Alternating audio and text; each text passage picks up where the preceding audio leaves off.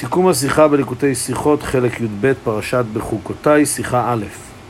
פרשתנו מדובר אודות המצווה של מעשר בהמה, שהבהמה העשירית היא קודש להשם. אה, אומרת על כך המשנה, כיצד מעשרן, כונסן לדיר ועושה להם פתח קטן, ומונה בשבט אחד, שניים וכולו, והיצא העשירי סוקרו בסקרה ואומר הרי זה מעשר. כלומר, כל בהמה עשירית צובעים אותה בצבע אדום וקובעים שהיא מעשר. אה, בהמשך לזה, אומרת המשנה בסיום מסכת בכורות, שאם האדם המעשר קרא בטעות לתשיעי עשירי, או לבהמה האחד עשרה הוא קרא עשירי, או שלבהמה העשירית הוא קרא תשיעי, אז כולם מקודשים. אה, כלומר, הם כולם יש להם דין של קודש אה, ואי אפשר להשתמש בהם לחולין. מהו בדיוק הדין של הבהמה הזאת, הבהמה ה-11, שקראו לה בטעות עשירי? אז בזה יש לנו מחלוקת בין רבי מאיר לרבי יהודה בסוף מסכת בכורות. רבי מאיר אומר שמקריבים את הבהמה הזאת כקורבן שלמים, ויש הדין של קורבן שהיא עושה תמורה. כלומר, שאם ניסו להמיר אותה בבהמה אחרת, אז גם הבהמה השנייה מתקדשת, כמו שכתוב, והיה הוא תמורתו יהיה קודש. זה דעת רבי מאיר. רבי יהודה אומר שלא, הקורבן, הבהמה ה-11 הזאת, אין לה דין של אה, קדושה גמורה, אלא היא בעצמה נחשבת מעין תמורה של הבהמה העשירית של המאסר בהמה, והדין הוא שתמורה לא עושה תמורה נוספת. בהמה שהיא בעצמה תמורה, היא לא מכילה את הקדושה על בהמה נוספת, ולכן גם הבהמה ה-11 שקראו לה עשירי, היא לא עושה תמורה. זו דעת רבי יהודה. ממשיכה המשנה ואומרת שרבי מאיר טען שאילו אכן כדברי רבי יהודה שהבהמה הזאת יש לה גדר של תמורה, אז לא היו מקריבים אותה על גבי המזבח. מזה שמקריבים אותה על גבי המזבח זה ראייה שיש לה דין של קורבן גמור, ולא רק של התמורה של העשירי. אומנם הגמרא מסבירה שלדעת רבי יהודה גם התמורה של מעשר קרבה על גבי המזבח, ולכן אין שום ראייה מכך שהקורבן ה-11, הבהמה ה-11 הזאת, קרבה על גבי המזבח, אין ראייה שהיא לא תמורה, כי גם תמורה בעצמה קרבה על גבי המזבח. מבאר הרבה שסברות המחלוקת בין רבי יהודה לרבי מאיר כאן הם שלדעת רבי מאיר הקדושה של, אותו, של אותה בהמה שקראו לה בטעות עשירי, יש לה קדושה של מאסר בהמה, יש לה קדושה משל עצמה. ולכן מקריבים אותה על גבי המזבח ואין לה גדר של תמורה. לעומת זאת רבי יהודה סובר שהקדושה של הקורבן שנקרא בטעות עשירי הוא בסך הכל התפשטות של הקדושה של המעשר בהמה עצמו. כלומר, אין לו קדושה משל עצמו. רק שמכיוון שקראו לו בטעות עשירי, אז הקדושה של העשירי גם כן חלה עליו, מתפשטת גם אליו. אבל זה לא קדושה עצמאית שלו, ולכן זה על דרך העניין של תמורה. שואל על כך הרבה, מכיוון שהגמרא אומרת, שלומדים את זה מהפסוק, אמ, וכל מאסר בקר וצאן, שזה בא לרבות את כל סוגי המעשר, גם מעשר כזה שנעשה בטעות, שזה כולל גם את הבהמה ה-11 שקראו לה בטעות עשירית. לפי זה צריך להבין, מכיוון שהתורה כללה אותם ביחד וכל מאסר בקר וצאן, אז למה רבי יהודה לומד שלבהמה ה-11 יש איזה דין אחר, דין של תמורה, ואין לו דין של מעשר? מכיוון שזה כלול בפסוק יחד עם מעשר בהמה הרגיל, היה צריך להיות דינו שווה. מבאר הרבה שסברתו של רבי יהודה היא מכך שהדין הוא שרק התשיעי והאחד עשר יכולים להתקדש בקדושת המעשר. כפי שהגמרא אומרת, מכיוון שהם סמוכים לעשירי. מכיוון שרק אלה שסמוכים לעשירי מתקדשים בקדושת המעשר, אז מזה מובן שהקדושה שלהם היא לא קדושה עצמאית שלהם, אלא זו התפשטות מהקדושה של העשירי, ולכן רק הסמוכים לא מתקדשים ממנו. כדי להבין לעומק יותר את הסברה של רבי מאיר, מביא הרבה את הגמרא בסוף מסכת הוריות. שם נאמר שרבי מאיר ורב נתן רצו להעביר את רב שמעון גמליאל מנשיאותו. אה, ולכן הם ביקשו ממנו שידרוש להם במסכת וקצין, שהם ידעו שהוא לא בקיא במסכת וקצין, וחשבו שעל ידי זה שהוא לא יוכל לדרוש מסכת וקצין, אז אה, יוכלו להעביר אותו בנשיאותו. כמו שכתוב, מי ימלל גבורות השם, ישמיע כל תהילתו, רק אדם שמכיר את כל התורה יכול להיות נשיא. אבל לא עלה בידם, מכיוון שרבי שמעון גמליאל למד באותו לילה את מסכת וקצין, והוא יכל לדרוש להם למחרת. ואז אומרת הגמרא, כנסו את רבי מאיר ורבי נתן, שלא יקראו להם במשנה בשמותם, אלא רבי מאיר קוראים לו בשם אחרים, ורבי נתן קוראים לו בשם יש אומרים.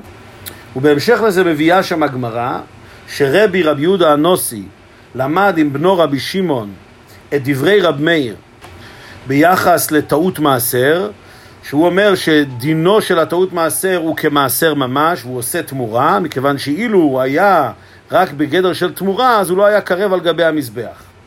אבל הוא קרא לו בשם אחרים. אחרים אומרים, אילו היה תמורה, לא היה קרב. אומרת הגמרא ששאל רב שמעון את אביו, למה אנחנו לא מזכירים אותו בשמו? ממהם אנו שותים ושמותם אין אנו מזכירים. ענה לו רבי שהם בני אדם שביקשו לעקור כבודך וכבוד בית אביך, כי הם לחמו ברבן שמעון וגמליאל שהיה אה, אבי אבותיו של רבי שמעון. ענה לו רב שמעון, גם אהבתם, גם שנאתם, גם קנאתם כבר עבדה, ולכן הוא חזר וקרא לו, אמרו משום רב מאיר, אילו היה תמורה, לא היה קרב. ובהמשך לזה מביאה הגמרא, שהיה מחלוקת בין רשב"ג לחכמים, מה עדיף? האם סיני עדיף, אדם הבקיא בכל ההלכות עדיף, או עוקר הרים עדיף, אדם שכוחו בסברה ובעמקות הוא עדיף על אדם שיש לו בקיאות. והגמרא מסיקה שסיני הוא גדול מעוקר הרים. שואל הרב על דברי הגמרא האלו כמה שאלות. דבר ראשון, מה הקשר בין הסיפור של אמ, רב, רב מאיר ורב נתן שרצו להעביר את רב שמעון גמליאל מנשיאותו, מה הקשר בין זה לבין המחלוקת שמובאת בהמשך לזה, מה גדול האם סיני או עוקר הרים? שאלה ראשונה. שאלה שנייה, למה כשכנסו את רבי מאיר אז קראו לו דווקא בשם אחרים, וכשכנסו את רב נוסן קראו לו דווקא בשם ישוימרים? למה לכל אחד נתנו את השם הזה דווקא?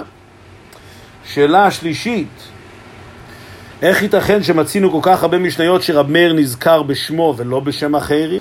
ושאלה רביעית, למה זה נוגע כאן הסיפור של רבי ורב שמעון בנו, הדין שרב מאיר אמר, שהוא אמר את הדין שהבהמה של מעשר בטעות אה, יקרבה על גבי המזבח. למה נוגע כאן הדין עצמו? הרי מה שנוגע זה העובדה שמתייחסים עליו בשם אחרים. מבאר הרבה שמצינו בגמרא בכמה מקומות שרב מאיר היה כוחו גדול בסברה ובעמקות, כמו שהגמרא אומרת שרבי מאיר בבית המדרש היה עוקר הרי ערים וטוחנם זה בזה והגמרא גם אומרת שגלוי וידוע לפני מי שאמר והיה עולם שאין בדורו של רב מאיר כמותו והסיבה שאין הלכה כמותו היא שלא, היא שלא יכלו חבריו לעמוד על סוף דעתו. מובן אם כן שכוחו של רב מאיר היה בעיקר בכך שהוא היה עוקר הרים והיה לו סברות, סברות עמוקות ביותר. לפי זה אומר הרבה אפשר להבין למה רב מאיר ורב נוסן רצו דווקא אה, להעביר את רב שמעון גמליאל מנשיאותו כי רב שמעון גמליאל עצמו היה בקיא גדול. ואילו רב מאיר ורב נתן סברו שעוקר הרים הוא עדיף על סיני. כלומר שעיקר המעלה זה הסברה ולא הבקיאות.